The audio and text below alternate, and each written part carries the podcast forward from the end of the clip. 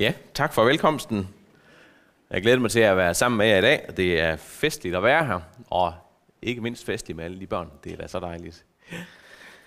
Ja, inden vi skal høre om øh, dagens prædiketekst under temaet øh, Giv Gud, hvad Guds er, så vil vi øh, bede sammen endnu en gang.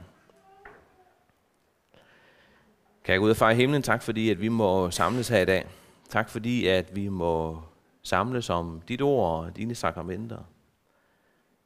Tak fordi, at vi må være her i forventning om, at du vil være midt i blandt os. Du har lovet, at hvor to eller tre er forsamlet i dit navn, der vil du være her, og det beder vi om, at du vil nu. Jeg beder om, at du, Gud Helligånd, du vil åbne ordet for os, og høre, hvad du har at sige til os, og møde os der, hvor vi er i vores liv. Vi bekender, at vi er helt afhængige af, at du møder os, at du åbner ordet for os. Det beder vi om, at det måske nu. Amen. Ja, temaet er, giv hvad Guds er, ud fra øh, fra Matthæus øh, kapitel 22, og øh, det, som jeg egentlig øh, indimellem godt kan lide ved, ved sådan nogle tekster som dem her, det er, at der er sådan en, en punchline. Der er sådan en, øh, en one-liner, der ligesom lukker munden på, øh, på folk. Og øh, det, det synes jeg generelt er interessant. Øh, jeg kan huske for mange år siden, det er over 15 år siden, der øh, var der en, en af mine kollegaer, han øh, fik på besøg af kontoret af hans kone. Og hun kom ind, og hun kan, som øh, koner engang mellem kan, øh, så kan hun godt være lidt skrab i munden, sådan, øh, sådan lidt tydelig i retorikken, om man vil. Og hun kom ind og var ved at fortælle ham et eller andet der. Og så siger den anden kollega øh, til, til den første kollega, der havde besøg af konen, så siger han så øh, til ham, hold da op, siger han så. Din kone, hun er godt nok væsentligt bedre gift end dig, var. Og så blev hun helt stille. Og øh, den blev ligesom hængende i mange år, den der kommentar. Din kone, hun er godt nok væsentligt bedre gift end dig var. Og øh, den, den griner vi sådan lidt af. Øh, det gjorde konen egentlig ikke rigtigt. Og hun kom faktisk heller ikke så meget på kontoret efter den her oplevelse. For hun fik lukket i munden øh, der. Øh, sådan er det også nogle gange i Bibelen, at der er nogle af de her kommentarer, der lukker munden. Og en af mine øh, favoritter, det er, hvor de vil... Øh, stene en utro kvinde, og så siger Jesus til dem, at den, der er uden synd, kan jo kaste den første sten. Og den er der jo ingen, der kan svare igen på. Og så må de jo slippe stenene og gå hjem. Og det er jo en fantastisk kommentar. Øh, og i dag, i dagens tekst, har vi faktisk lidt af det samme. Der møder vi også sådan en kommentar, der lukker øh, munden på tilhørende. En af dem, de ikke kan komme igen på. En af dem, hvor der ikke er et modsvar. Og vi vil rejse os, og så vil vi læse dagens tekst. Vi skal om i øh, uh, Matthæus uh, øh, kapitel 22. Og det er uh, fra vers 15 til 22. Der står, Der gik farisæerne hen og besluttede at fange Jesus i ord.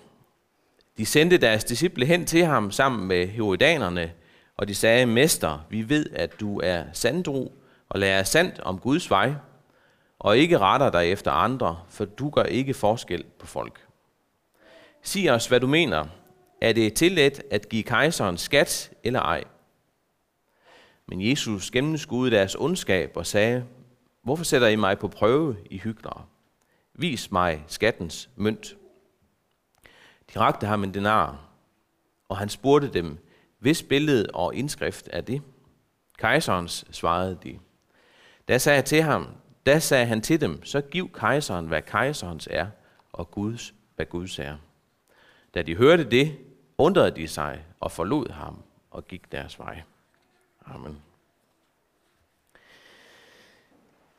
Teksten til i dag, den kan vi øh, også finde i Markus og Lukas, og øh, begge steder, der står den i den samme øh, sekvens øh, i forhold til de tekster, der kommer før og efter. Øh, og det er egentlig ret væsentligt lige at bide lidt mærke i, øh, hvorfor det gør det. Som I kan se, så står der øh, i vers 15, så står der da. Og det der med da, det, øh, det indkapsler jo, at der, der sker jo noget her omkring tidsmæssigt, som vi lige skal prøve at lægge lidt mærke til. For hvad er det, der gør, at øh, farisæerne og herodanerne her, de er interesseret i at fange Jesus i ord? Hvad er det, han har gjort for at få dem øh, på nakken, så at sige? Øh, det handler faktisk ikke bare om dem, det handler om øh, folkets ældste og farisæerne, ypperstepræsterne og sadukæerne og faktisk dem alle sammen i den kategori øh, har Jesus lagt sig lidt ud med. De udfordrer ham øh, om i, i kapitel 21 på hans øh, autoritet. De udfordrer ham på hans øh, lære om øh, loven. Og øh, i den her tekst, som vi lige har læst, udfordrer de Jesus øh, i forhold til hans syn på skatten til kejseren. Så det er det, de, de møder ham med her omkring. Og øh, før det, så har øh, Jesus til gengæld også været øh, øh noget provokerende over for dem. Over i kapitel 21, øh, kapitel, øh, vers 31, øh, kan vi læse, at han siger til dem, Toller og skøger skal gå ind i Guds rige før jer. For Johannes kom til jer og lærte jer vejen til retfærdighed, og I troede ham ikke, men toller og skøger troede ham. Og skønt I så det, angrede I heller ikke bagefter og troede ham. Det er faktisk, øh, det er faktisk lidt grov, det som Jesus han siger til dem her, hvis man lige øh, hører, hvad det er, han sammenligner dem med. Og videre i, øh, i, i foregående kapitel fra vers 45, der, der kan vi læse, at da yderste præsterne og farisæerne havde hørt hans lignelser, forstod de, at han sigtede til dem. Så søgte de at gribe ham, men de frygtede for folkeskaren, for, han, for den anså ham for at være en profet. Så de er, konfrontationen den er egentlig ret tydelig her. Vi kan læse, at det har foregået på tempelpladsen, øh, og folket har jo været der, og stemningen har jo været intens mellem Jesus på den ene side, og så de her skriftkloge og de lærte mennesker på den anden side. Der er nok nogle af jer, der kender den her øh, konflikttrappe. Den fås i, øh, i mange forskellige varianter, og øh, har man arbejdet med mennesker på den ene eller anden måde, måde enten i salg eller som pædagog eller et eller andet, så har man mødt den her øh, på et eller andet tidspunkt. Det er sådan en simpel model, og man kan analysere, hvor er man henne i forhold til en konflikt med nogle mennesker. Nogle gange så skal man da have folk til at pege på, hvor man er henne, fordi man kan være så involveret i en konflikt, man ikke engang er klar over, at man faktisk er et godt stykke op ad den her trap. Øh, det er sådan en model, øh, som nogle af jer kender. Og hvor er vi så henne i dagens tekst? Vi er faktisk oppe i, øh, i det røde felt, han har sagt. Vi er et godt stykke deroppe af. Vi er i hvert fald forbi der, hvor vi siger, at det her det er en konflikt om sagen som sådan. Det er langt mere end det. Øh, de prøver heller ikke at undgå hinanden. Overhovedet ikke. Øh, Jesus fortæller ligefrem lignelser omkring farisæerne, øh, for at pege på de her mennesker og pege på deres forhold. Vi kan også læse i dag, at herodanerne og farisæerne, de laver alliancer imod Jesus. Øhm, og det, vil, det er ret unormalt, fordi de var faktisk normalt modstandere af hinanden, de her herodaner og farisæere. Øh, og alligevel rådte de sammen imod Jesus. Øh, herodanerne har været langt mere politisk end religiøst øh, orienteret. Øh, og alligevel rådte de sig sammen mod Jesus. Og læser vi videre i kapitel 23, så kan vi læse, at Jesus han kommer med de her v-råb over farisæerne. Så Jesus og øh, hans modstandere, hvis man kan sige det sådan her, de er virkelig i klins med hinanden. Man kan ikke sige, at situationen er ude af kontrol, fordi Jesus han ved fuldstændig, hvad det her det handler om, og hvor vi er hen, og hvad det skal ske. Og han bygger op til den her øh, situation, som kommer til det store opgør, til det endelige opgør. Og læser vi videre igen, kan vi læse, at Jesus han advarer også disciplene mod, at der kommer mere af den her slags. Så ned i den her vipserede af konflikter og alliancer, så kommer det her interessante spørgsmål. Farisæerne øh, har sendt andre afsted, kan vi læse. Jeg tror måske, at det er fordi, de har tænkt, at Jesus han ville nok have gennemskuet, at det kom for dem. Og læser vi i dagens tekst i vers 16-17, så kan vi læse, at de sendte deres disciple hen til ham sammen med heudanerne, og de sagde, Mester, vi ved, at du er sandro og lærer sandt om Guds vej, og ikke retter sig efter andre, for du gør ikke forskel på folk. Sig os, hvad du mener, er det tilladt at give kejseren skat eller ej. Og der får han ikke for lidt. De smiger sig jo ind på Jesus her. De kommer jo med det her dække af at være respektfulde i deres øh, tilgang til ham. Øh, og kalder ham en stor lærer. Og hvorfor gør de det? Øh, hvad er det egentlig, der er bag ved det her spørgsmål? Hvorfor er det her spørgsmål egentlig et, et trickspørgsmål? Hvad er det, der gør, øh, at der er langt mere i det her spørgsmål, end man lige umiddelbart kan læse? Jo, der er jo to svar. Det er jo et ja eller nej spørgsmål, eller svar, øh, man kan, kan svare på det her. Hvis nu Jesus han siger ja, så øh, kan han jo blive anklaget for at sympatisere med romerne, altså med kejseren og med besættelsesmagt. Og det vil jo sætte ham i et dårligt lys over for jøderne. Jeg ved ikke, om I kan huske før, men, men det havde de jo en interesse i, fordi Jesus var jo populær blandt folkeskaren. Så hvis han siger ja, så vil de opnå øh, at sætte en kile ind imellem ham og jøderne der. Siger han derimod øh, nej, jamen så kan det godt være, at han vil få sympati mod jøderne. Men så vil han ryge i problemer med besættelsesmagten. Så kunne han risikere at blive taget til fange, og på den måde blive sat ud af spillet. Så det her spørgsmål, det har de altså tykket noget over. Det har de tænkt noget over, hvordan kan vi nu gøre det her smart. De har gjort sig umage, øh, inden de kom til Jesus. Det er tydeligt. Øh, det kunne være interessant at være en flue på væg i, de, i den diskussion om, hvordan de nu kunne, kunne fange Jesus her. Men det har de i hvert fald tænkt over. Og det lykkes ikke, som vi kan læse. Øh, det lykkedes ikke at narre Jesus, fordi at de var gennemskuede.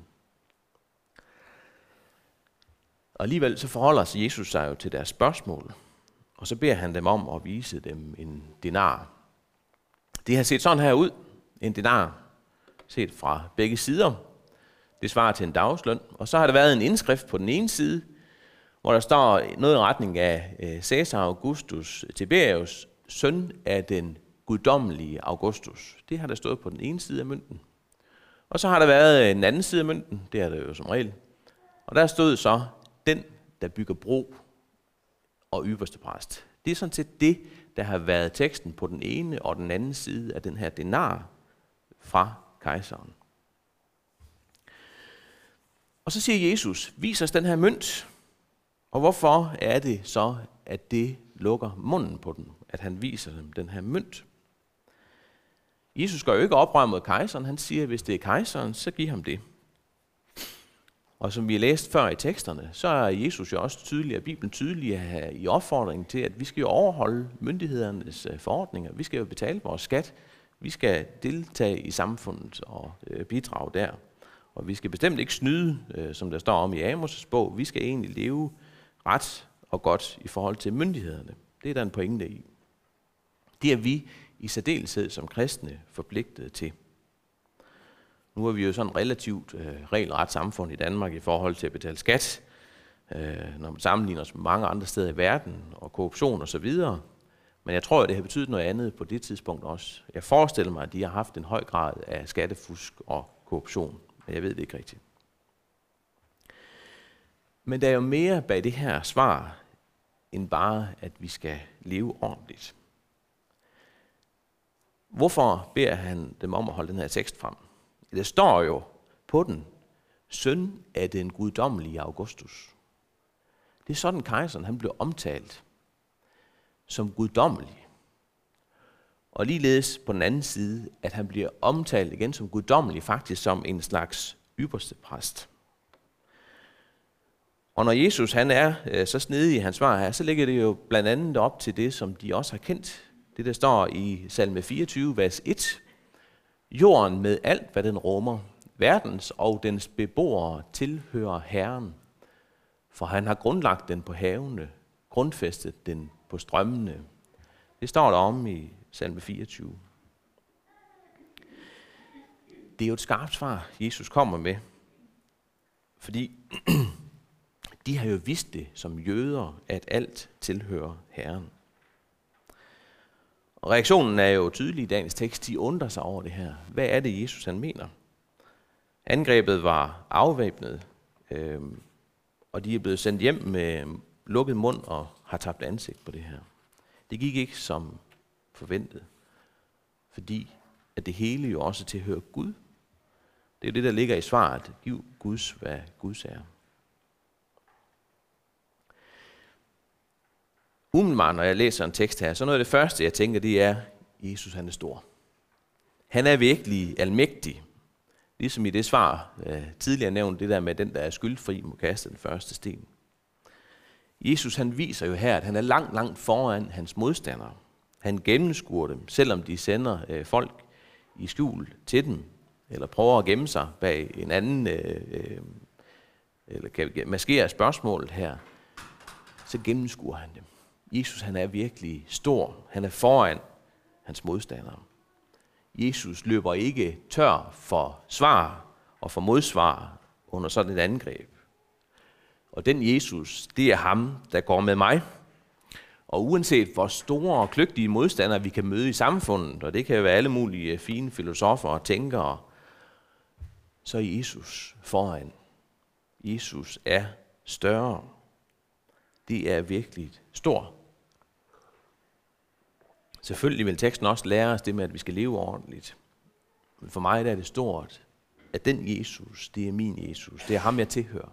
Ham, der er foran altid. Det er sådan den første og umiddelbare øh, refleksion. Men det stiller jo også et langt, langt større spørgsmål, fordi hvem er det, der egentlig ejer hvad? Jesus han gør jo op med afguds billeder i det her. Øh, det er jo det andet bud i forhold til kejseren. Fordi kejseren laver jo et afgudsbillede af sig selv på den her mønt. Og så fører han jo tanken også hen mod salme 24. Jorden med alt, hvad den rummer, verden og dens beboere tilhører Herren.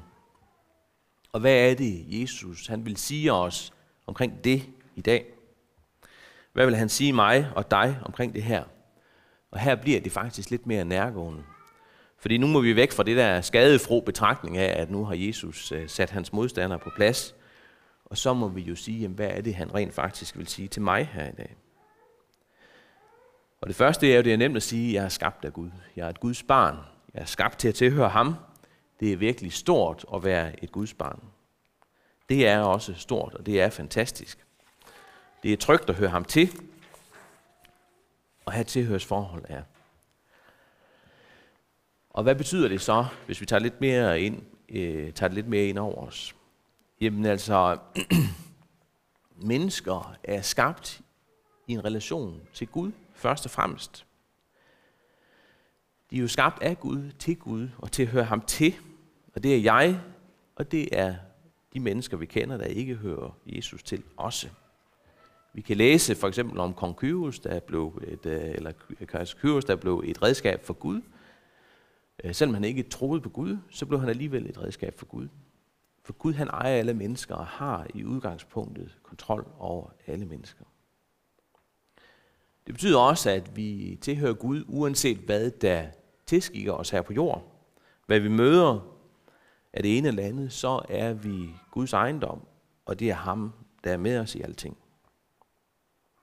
Social konstruktivismen, den er meget udbredt. Altså man skal konstruere sin egen, øh, sit eget liv, sin egen identitet, øh, sin egen succes, sin egen karriere, sin egen uddannelse osv. osv. Det kan vi faktisk sætte os lidt ud over som kristne, fordi vi er faktisk sat ind i en anden kontekst, hvor vi hører Gud til. Gud har skabt mig, han vil mig, og mit liv er først og fremmest i relation til Gud. Det er faktisk ret stort at have det perspektiv ind over sit liv. Og jeg kan godt nogle gange have ondt af de mennesker, som ikke har det her perspektiv, og som hele tiden skal definere sig selv og skal skabe sig selv og sin historie og det narrativ, der findes omkring en selv osv. Vi hører Gud til, og det er stort. Og vi er skabt til at leve med ham. Det er stort. Men hvilke konsekvenser får det så for mig, hvis jeg er Guds ejendom? Og ikke bare mig selv, men faktisk også alt det, som jeg kalder mit, altså min tid, mine penge, mine ressourcer, mit hus osv. Giv Gud, hvad Guds er. Hvad betyder det for mig? Og her tror jeg nok, at det er os, der nogle gange oplever, at munden bliver lukket på os, at vi bliver tavse her. Hjemme ved os, der har vi jo selvfølgelig noget, vi kalder personlige ejendomme. Øh, det er jo sådan nogle ting som tøj og så videre. Det vil vi egentlig gerne have for os selv. Øh, min søn her må gerne låne mit værktøj øh, ude i garagen, især hvis han hænger det på plads igen. Øh, men ellers så er det nogle ting, hvor vi siger, at det er personlig ejendom. Det, øh, det blander vi os ikke i. Det tror jeg, I kender. Men hvis alt det, jeg har, det er Guds, hvad betyder det? I dagens tekst er det jo først og fremmest i forhold til penge og besiddelser, og hvad vi skal betale i skat osv. Og nu ved jeg godt, det er lidt farligt sådan søndag formiddag at nævne ordet pension, for der er allerede nogen, der bliver lidt fjerne i blikket, når man siger pension. Øh, men nu, det handler jo for eksempel også om vores pension. pension. Vi lærer jo ellers, at vi kan tage stilling til at sige, hvor meget vil vi gemme til os selv nu, og hvor meget vil vi have, når vi engang skal gå på pension. Og efterhånden, som bliver ældre og ældre, så finder man jo ud af, at det er jo faktisk øh, en virkelighed, at man måske en dag skal på pension. Øh, Øh, det, det tror man jo ikke, når man er i 20'erne, men det er faktisk sådan, det er. Hvordan vil jeg disponere? Vil jeg have det sjovere nu, eller have mere til mig selv senere? Det er jo min pension, jeg taler om her. Eller hvad er det egentlig? Er det min pension? Eller hvem er det egentlig sin pension? Og hvordan omtaler du din bil, dit hus, din have, dine fritidsinteresser osv.? Hvordan taler du omkring det? Jeg tror, vi ofte taler om det som mit. Og der ligger måske noget bag ved det her, at vi ikke er opmærksom på, at det faktisk ikke er vores, men det faktisk er dybest set Guds. Materialismen, den trækker i os i Danmark. Og vi fristes måske nogle gange til at tænke, når vi nu har haft sådan en uge som den her, hvor vi har kunne høre om skattelettelser, at det har vi fortjent på grund af en fornuftig økonomisk politik. Vi fristes måske også til at tænke om vores egen økonomi, at det er nogle penge, vi har fortjent, fordi vi er stået op om morgenen og passer vores arbejde osv. Og så tænker vi, hvad kan vi købe næste gang? Hvordan skal vi disponere det her? Hvordan får jeg økonomien til at hænge sammen, så jeg kan få råd til det ene og det andet? Hvor meget skal jeg lægge fra, hvis jeg skal på ferie og alt det der? Nogle holder øje med aktiemarkedet, og det har jeg lagt mærke til ved nogle mennesker, at øh, det kan faktisk godt tage meget af deres tid. Øh, hun synes også bare, det er lidt cool at snakke mere om aktierne. Men der er nogen, der virkelig bruger meget tid på det med aktier. Sådan en chef har engang haft, det var dagens morgensnak, det var, hvordan gik det på aktiemarkedet. Han var god til det med penge, men det fyldte faktisk også meget i hans liv. Og det tror jeg, at det er en tendens, vi alle i et eller andet omfang kan kende og lægge mærke til. Og jeg kender kristne, der forsager alt det her med aktier, fordi at det opsluger deres tid og deres opmærksomhed. Det vil de ikke bruge deres tid på. Og sådan er det jo egentlig med penge. Det kan godt være, at vi synes, at vi ejer dem. Men det går jo sådan, at de i virkeligheden ejer os. Fordi de ejer vores tid og vores tanker. Og hvad kan vi nu planlægge i forhold til det, vi skal bruge penge på? Og så er det jo altså, at det kommer jo helt konkret til at udfordre os i forhold til vores givertjeneste. For hvad gør det ved vores givertjeneste, hvis vi tænker, at det her det er vores penge? Imod at tænke, at det faktisk i virkeligheden er Guds. Hvad gør det i forhold til at tage de rigtige beslutninger, i forhold til nyanskaffelser? Om vi tænker, at det er mine penge eller Guds penge? Man kunne jo lege med tanken og så spørge omvendt og sige, Gud, jeg har de her penge, øh, eller du har de her penge, hvor meget må jeg bruge på mig selv, i stedet for omvendt. Og jeg må indrømme, sådan tænker jeg sjældent selv, men det var jo nok sundt at tænke sådan i stedet for. Hører vi Jesu pointe i dag, giv Gud, hvad Guds er, så tror jeg, at vi i højere grad skal bevæge os i den retning, øh, og tage det ind over os, i stedet for at tænke den anden vej rundt. Øh, det tror jeg vil være sundt for os. Hvis vi går lidt videre fra ejendommen, så bliver det jo faktisk ikke mindre udfordrende for os, fordi ejer Gud så ikke også min tid? Kan jeg så heller ikke længere disponere over min tid selv?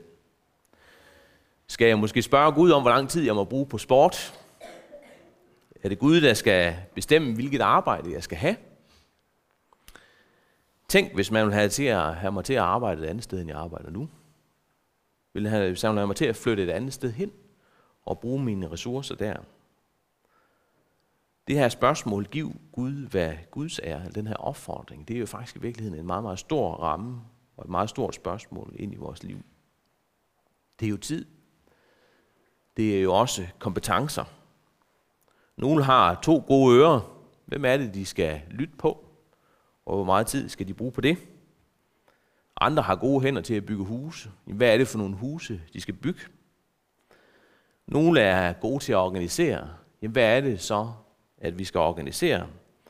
Er det lejre, eller er det arbejde i missionshuset? Hvad er det, vi skal bruge de ressourcer til? Og nogen har mange penge. Hvad skal de penge bruges til? Giv Gud, hvad Gud er. Det er og bliver en udfordring til os, som Jesus ansætter os hjem med i dag. Og nogle gange så bliver det jo sammenligning med de andre, der er rammen, i forhold til at sige, hvad vil jeg egentlig give?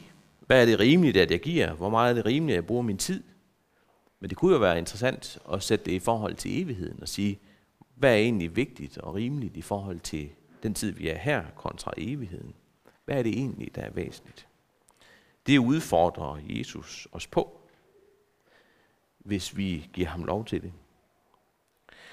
Og for mig der er der en væsentlig faktor i det her, det er bønden. Det her det er noget, vi må ind og tale med Gud om. Det er noget, vi må ind og tale med Jesus om. Og sige, hvad er det egentlig, at Gud han vil med mit liv? Med det, jeg har til rådighed her. Ikke det, jeg ejer, men det, jeg har til rådighed. Hvad er det, han vil med os? Og så må vi være åbne over for at sige, hvad er det egentlig, at han vil? Vi må være også være klar, når vi beder den her øh, fromme bøn, din vilje ske, så rent faktisk tage den ind over os og høre, hvad er det, han vil i mit liv. Måske skal vi prioritere anderledes, end vi gør i dag. Det kan godt være. Hvad er det egentlig, der vil ske, hvis vi tør lægge vores liv i Guds hænder, sådan helt og fuldt her? Til sidst vil jeg lige prøve at opsummere lidt og sige, for det første, så har vi jo mødt øh, konfrontationen mellem Jesus og hans fjender her i dag. Og han har jo gennemskuet hyggeleriet. Han har jo set ind igennem dem. Han fanger, øh, de får ikke lov til at fange ham over. Han har også gennemskuet os ind i vores liv. Jesus han er jo større end al menneskelig klogskab og snedighed. Det er det samme i dag. For det andet så er det jo det der med, at vi skal betale skat og deltage i samfundet i forhold til lovgivning. Det skal vi. Det har vi ikke talt så meget om. Men den tredje del, det er jo det med, at vi tilhører Gud. Vi tilhører Gud. Det gør vi med alle vores ressourcer. Og det vil sige tid og evner og penge og det hele. Hvordan skal vi bruge dem? Det er det, vi må ind og tale med Jesus om. Og hvorfor er det, vi skal det? Hvorfor er det, at vi egentlig et eller andet sted skylder det, ud over det, som der står, at jorden med alt, hvad den rummer, tilhører Herren, verdenens beboere? Jo, hvis vi læser om i Filipperbrevet, så kan vi læse noget omkring Jesus. Så kan vi læse, at der står sådan her i Filipperne øh, kapitel 2, vers 5-8. I skal have det sind over for hinanden, som var i Kristus Jesus. Han, som havde Guds skikkelse, regnede det ikke for et rov at være lige med Gud, men gav afkald på det, tog en tjeners skikkelse på og blev mennesker lig. Og da han var trådt frem som et menneske, ydmygede han sig og blev lydig ind til døden, ja døden på et kors. Det er her, det kommer fra, det her. Og det er det, der må drive os et eller andet sted. Det er jo ikke en eller anden sur pligt, som vi skal give, øh, fordi det er vi forpligtet til, og nu skal vi også tage os sammen. Det har vi måske godt af at høre en gang imellem. Men jeg tror i lige så høj grad, vi har brug for at høre, hvad var det egentlig, Jesus han gav afkald på? Han, som havde Guds skikkelse, regnede det ikke for et rov at være lige med Gud. Det gav han faktisk afkald på. Han blev menneske. Han blev barn. Han ydmygede sig. Han blev lille og hjælpeløs. Han gav afkald på det hele. Hvorfor gjorde han det? Det gjorde han, fordi han skulle dø på et kors. Og det er egentlig det, der skal være vores motivationsfaktor, når vi går herfra. Vi skal ikke gå herfra, fordi at vi skal gøre os fortjent til at være Guds børn. Vi skal ikke gå herfra og tænke over tingene, fordi at så kan vi sætte os i en lidt bedre situation over for Gud. Nej. Jesus han har givet alt for os. Han har købt os. Ikke bare har han skabt os, men så har han købt os. Det der med, at han gav afkald på at have Guds skikkelse. Han kunne have ladet være, men det gjorde han ikke. Han tog en tjeners skikkelse på for min skyld. Han kunne have ladet os sejle vores egen sø her på jorden, men det gjorde han ikke. Han kom, og så er det, der står, at han blev lydig ind til døden, ja døden på et kors.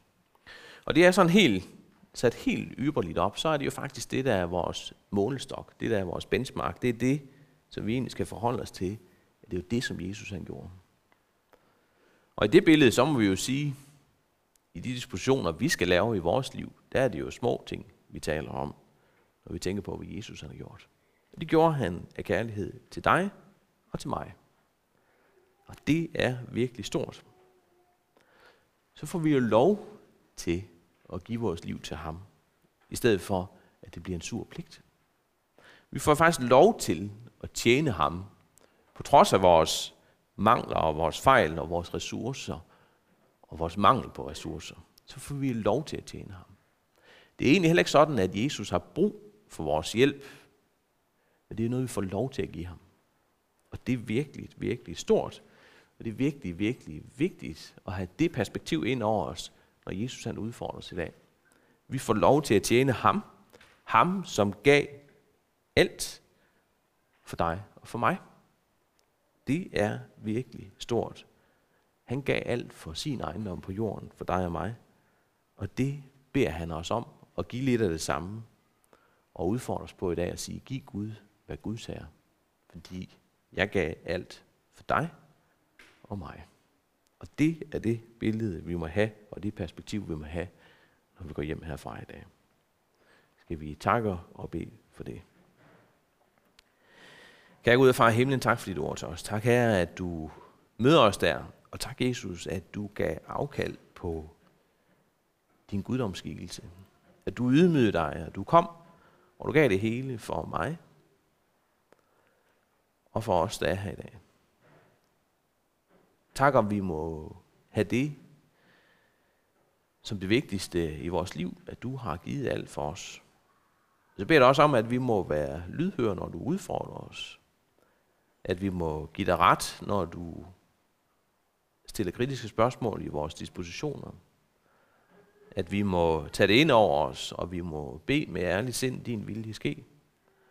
At vi må være villige til at lade dig råde i vores liv, fordi du har givet alt for os.